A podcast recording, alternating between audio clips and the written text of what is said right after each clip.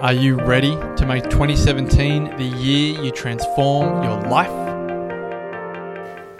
You can wait for something to happen, or you're actually going to decide to go, go home after this weekend to do something about that. We all know that we have a very, very limited amount of time on this earth. So let's not have repeated years.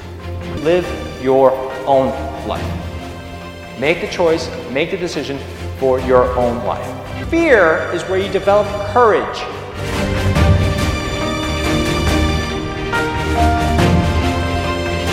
There's a moment going, holy crap, all right, I'm gonna do this now. The Wellness Breakthrough is coming. And so you actually have that choice every single morning, every single day, every single moment to decide whether you're going to live it to the fullest or not. Join myself, Marcus Pierce, and the Wellness Guys, Damian Kristof, Lawrence Tam, and Brett Hill for two nights and three days of transformation at the Country Place. 10 acres of breathtaking rainforest in the Dandenong Ranges of Victoria, February 17 to 19. It's each and every single one of you are going to support each other in your journey, whatever that journey is. Couples discounts available, limited spots remaining. For all information and to watch the spine chilling video, go to thewellnessbreakthrough.com. TheWellnessCouch.com, streaming wellness into your lives. Welcome to Nourishing the Mother, featuring your hosts Bridget Wood and Julie Tenner.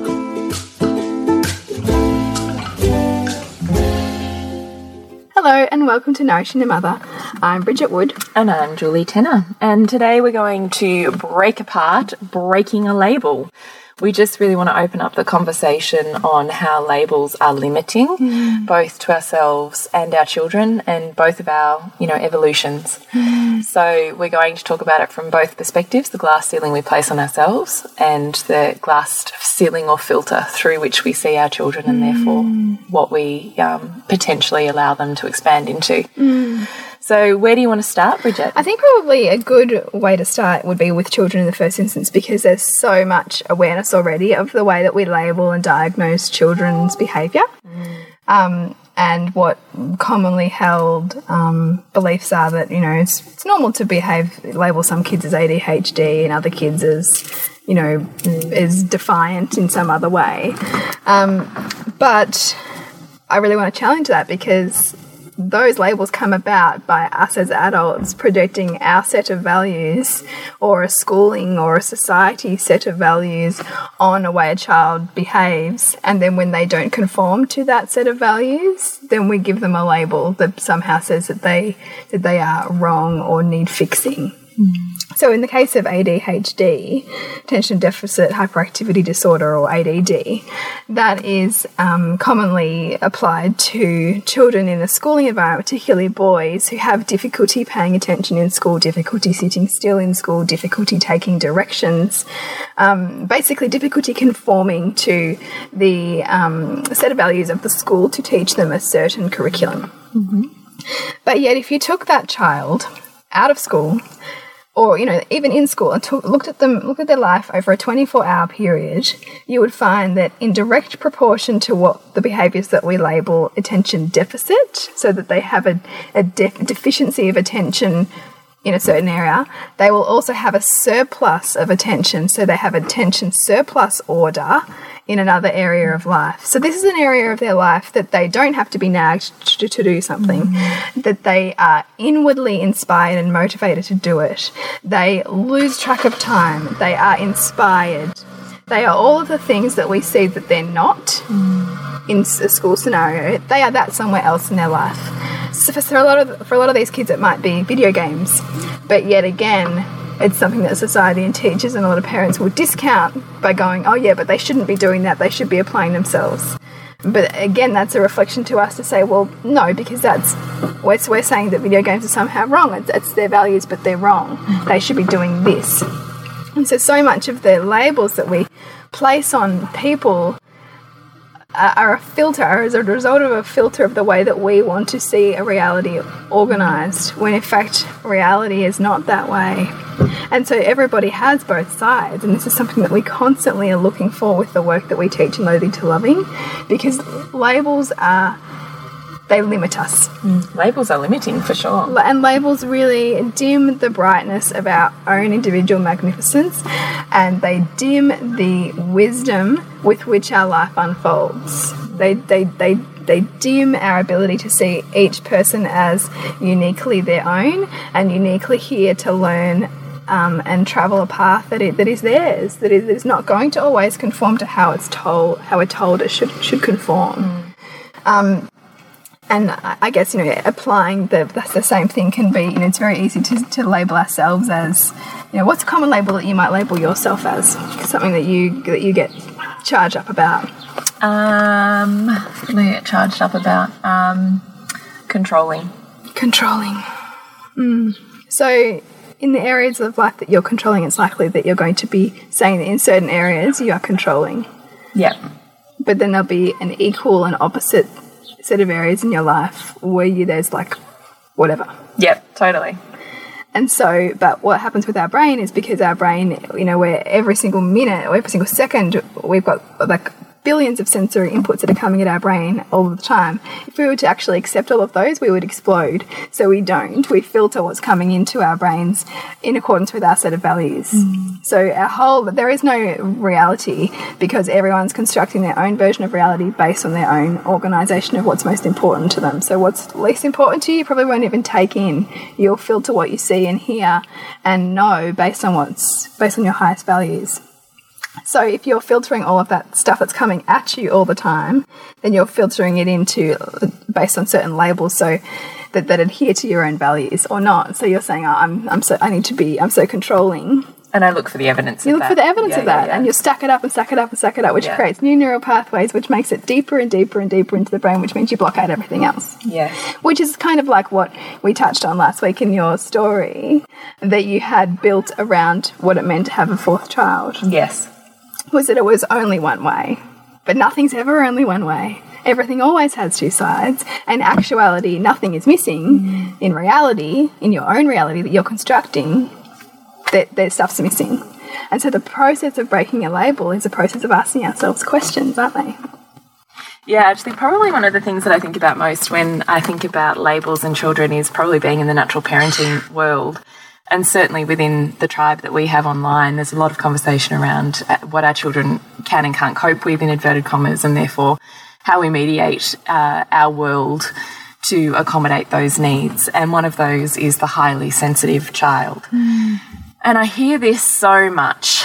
And partly I start to get a little bit annoyed by it now because I find it so limiting as a label.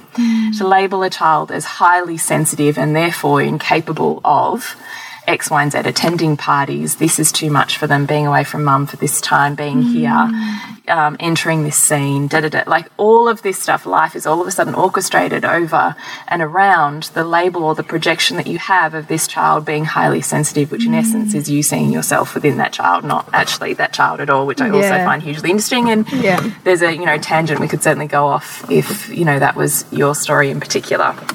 But the point of this is that we are all highly sensitive in different areas of life, and we are all underly sensitive in different areas and ways of life. That seeing it and witnessing it in one person means you have it to that extent and possibly are not owning it within yourself. Mm. But that the, they and you will also be in the exact amount the opposite of that. Mm-hmm. So when we're when I start to recognize that, you know, if we were doing some coaching or if I'm doing it myself with my kids and I'm saying they're this, I'm looking for evidence now I train my brain to where are they not that? Mm. Where are they the opposite? Because if I label them and I start to hone them into this very narrow box, I'm absolutely limiting their capacity for social and emotional inclusion, is what I mm. notice most in mm. primary school age children and beyond. The ability of how and when they'll stretch themselves out of their comfort zone, which mm. I also see as, as detrimental if you avoid it or as hugely growthful if you step into challenge. So I'm looking at all of the time how do we bust these labels in order to allow our children to be fully expressed individuals? Hmm. Because anytime we're holding them back based on a label, we're literally holding them back. Hmm.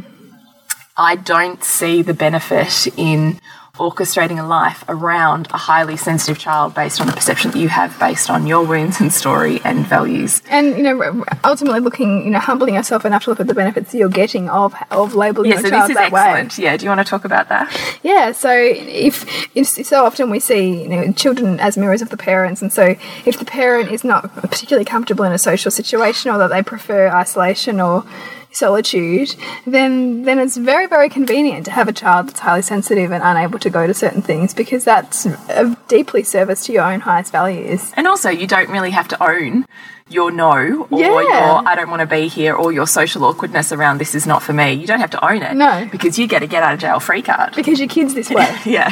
Yeah. Which is so interesting. It is. So, and you, not that it's wrong either, because it's totally fine to have benefits out of all of Yeah, that yeah. stuff. But let's get conscious about it. Yeah.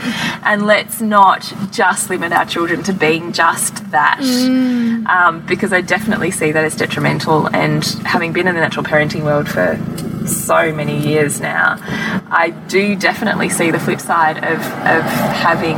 Um, family dynamics that have completely supported, in inverted commas, a highly sensitive hmm. child. Yeah, and I mean, I think that that there's a certain concentration of that kind of thinking, particularly people who choose homeschooling. Yes. You know, it is it, it may start with a with a belief that, that your child is an is a is a self directed learner and that that wants to that you really want to support their learning about the world and themselves separate from a defined curriculum. But it can very quickly lean in lean into a you know, I'm just not comfortable in that particular environment or that particular subordination to a set of rules.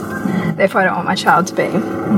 It's very, very interesting to start to dig about where those where they come from, where, where those beliefs about our children come from, which are really extensions of beliefs and values that we have around ourselves. Or ultimately that we've picked up. Mm. Because often the beliefs we hold as truth for ourselves, we rarely stop and question where they've come from. Rarely, like, honestly. Mm. No, because if you think about it, they're, they're so deeply embedded in our In own who we are. psyche Yeah. that it takes enormous amount of work to, to unravel those. Yeah. But wow, like when you do and you take the lid off that, like it's pretty humbling. Yeah, it totally is. So I could probably talk about this. Maybe the reason I get so fired up about highly sensitive is because that's how I'd labelled my firstborn as well. I think it's a classic firstborn Oh, yeah, label too. I think we're all just very precious about our firstborns and how gentle and you know soft and beautiful they are. And um, I saw him as as highly sensitive, but because I was, right? Yeah. and he was a really unsettled baby, but also, you know, chicken or the egg, you know, I didn't know what I was doing and was finding my toolkit at the time too. So, you know, da da da. Um, and, you know, I saw him struggle in social situations at playgroup and kinder and was constantly mediating all of that. That's why I chose Steiner, because I thought that mainstream education would squash his sensitive side and would only channel an aggressive side. And so I chose Steiner to, to um, enhance his sensitivity so that it wasn't squashed. Um, but can I tell you, it was such a bullshit concept. Now I laugh at myself because I'd watch him at playtime and he'd find sticks and be playing guns. Or, you know, like it didn't change, uh, you know, how my child played, just, you know, what, what he played with. Um, and so I was constantly looking for all of these ways my child was sensitive, and I was constantly mediating relationships, particularly with in laws. Um, I was constantly speaking up for him, um, hovering around him, helicopter parenting at, at playgrounds and at parties, and you know, da da da. So you know, classic first time mum, probably, and. Um, it was probably in kindergarten when he started to go mainstream that the teacher there started to talk to me about tools for him to actually integrate himself into groups of people because he didn't know how to do it mm. because I'd always done it for him. Mm. And so it was the first time I started to look at, oh, this is one of those steps of separation where I have to give him the toolkit to do it himself, not rescue him and do it for him mm. And you know it probably started there and then i started to see all of the ways slowly slowly all of the ways that he was not sensitive you know, when he would tune out to people and feelings, when he would be rough and aggressive in his play, um, you know, da da da. And then, you know, fast forward into primary school and sport. And I saw that again, that the the learnings that he got out of not being sensitive or being sensitive in a situation and having the tools to get himself through it without help, even though that's hard to witness, is so good for him as a human being. Yes. So even last night, I saw him play in the finals of this basketball tournament we went to, and he went up for this massive um, rebound, smashed with this kid, and came tumbling down on his ankle, kind of falling over this kid. And so he's nearly 11, this enormous kid, you know, on the court with all these big boys and, you know, huge crowds of people. And he's crying, like fighting back tears because his ankle's hurting so badly. And I looked over at the bench the other side with my husband sitting as the assistant coach, and his coach is standing up. None of them are looking to help him. And I just went, This is okay. Mm. And it was the first time I realized how far I'd come from witnessing his pain. Because now I could look at it and look at him and go, You have the tools. Mm. So you make the choice about what you want to do here. Mm. And he took all of that sensitivity in those tears and he breathed it through his body. So there's a little bit of me, like this me happening on the court. and I just yelled out to him, It's all right, mate. You know, um, I can't even remember what I said now. I can't even think. But I was just basically on the side court going, you're, it's, I'm here, mate. You're doing great. You're doing hmm. really good. I saw him look over at the bench, and saw his dad just look at him and make eye contact because he wasn't saving him, and I totally hmm. appreciate that as hmm. well. And therefore, it was up to Heath what he was going to do. The ref turned to him and went, "Do you want to hop off the court?" And he looked at the ref and he shook his head and went, "No, I don't." And he took a breath and he just ran back down the court again. Hmm. And it just, it's those moments stacked every day upon one hmm. another hmm. that allow a human to have the capacity to enter challenge and pain and discomfort and know that they're going to be okay on the other side. Yeah. And that they have the freedom of choice. If we never allow them the opportunity to feel the pain, to feel the discomfort, to be in situations they don't like, they never learn that toolkit. And I really love that because, you know, what we are all about with Nourishing the Mother, all about holding space for big feelings, all about, um, you know, in some ways reclaiming some of what we perceive might have been lost about reverence for the human experience and for that transition. But so we're not, but we're not saying saving kids because the problem is when we save our children and we do things for them that they can adequately do for themselves, we do them a disservice. Hmm. You know, and so that is such a beautiful example of how, you know, at the age of 11, he, he is equipped to make those choices for himself and, and not have to outsource that to you guys. No, definitely. And you know, I just, I, I mean, that's that's probably an extreme example, but I see it in so many little ways playing out. Mm. Particularly as I've said before, you know, boys in the footy field at school, it's you know, it's a rite of passage. So you think about all of those moments that your, you know, little baby is out there hurting, mm. and mum's not there. You know, how does that make you feel? Do you feel like it's okay and they're okay and mm. They have a toolkit and even if they don't there's enough within them to know that they can get through it mm. and that you can help them at home. Or is it so horrific that you have to go up there and you know yell at the teachers and demand different things and you know pave a really different way for that kid because mm. the kids who parents do that are not resilient kids. Mm. They are the kids that are targets for bullying because they're easy targets. They mm. have no resources. And also, it, has to be that way because if you are too supported, if the, kid, if the kids grow up with over supportive parents, then they will have attract challenge in their environment. So the kids who are bullied, typically in the school environment, have someone in the intimate connection who is giving them too much support. Mm. You know, because we always need both. And I can, and I've done, and I've done collapses on my childhood and moments when I felt deeply bullied, and I could see it was because my mother was trying to save me. My mother was was confronted with her own pain through my teenagehood that it was so immense for her that she was so she was saving herself and she was supporting herself through supporting me. So of course I had to have the opposite. I needed both to grow. And the more you have one, the greater the other. That's right. So the issue, bringing it back to labels, the issue with labels is that if we only see our children one way, that we stop them from actually being able to grow. Because we're often only looking for evidence of one side, and that could be equally bad behaviour that we want to label as, you know, um, non-conforming or as difficult, as much as it can be behaviour and you know um, looking for uh, highly sensitive or emotional situations that you're wanting to save them from. It, It's hmm. both. Both are limiting. And when we're able to find the balance in looking for the opposite, we're able to really see our child for who they are rather hmm. than the filter through which we see them through ourselves. Hmm. And we're able to really help them grow and express who they are, find who they are in this world. Because if we're really wanting to live a life ourselves of aligned values, then we're also looking to parent our children in a way that they can find what their values are and stay true to those rather than feeling like they need to inject them. And the great thing is when you start to look for that in your children, you're you're you're training yourself to do that for yourself too. It can be such a symbiotic relationship when you are opening your eyes to creating your world in this way. Mm. When you are really deeply looking for, okay, how can I communicate to my child's values, or how can I, you know, look for an opportunity here to teach them something and help them grow to the next level. You're also training yourself to do that for yourself, which is so mm. beautiful. And that's like baby and- steps, isn't it? yeah, and I mean that that's when parenting and being a mother can be so enriching because it's a it's a journey of intentional growth, Mm. which is profound. Mm.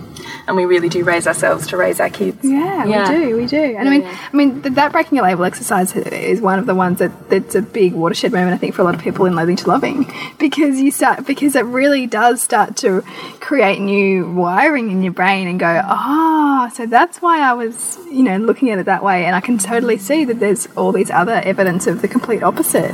There's so much freedom in that. There's so much freedom in that.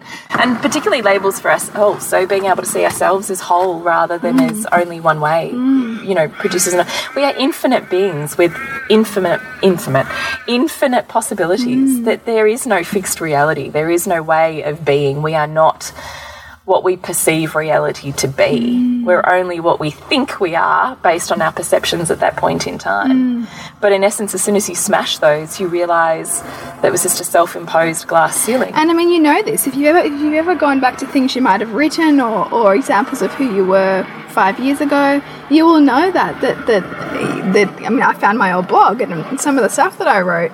I thought, gosh, like it's so fascinating how much I've grown from who who I was then. I don't feel like I was even that. I don't feel like I'm even that person anymore. yeah, yeah. And when you take a path of really trying to grow um, and and and have a toolkit to smash some of your beliefs that you have around yourself, you know, we can be unrecognizable to ourselves in many ways because those things that we hold on so tightly for are really actually exercises that our intuition is is trying to reveal to us are unbalanced and, and are, are polarized. Mm. So Have you held any labels on yourself? Like if you self imposed a glass ceiling?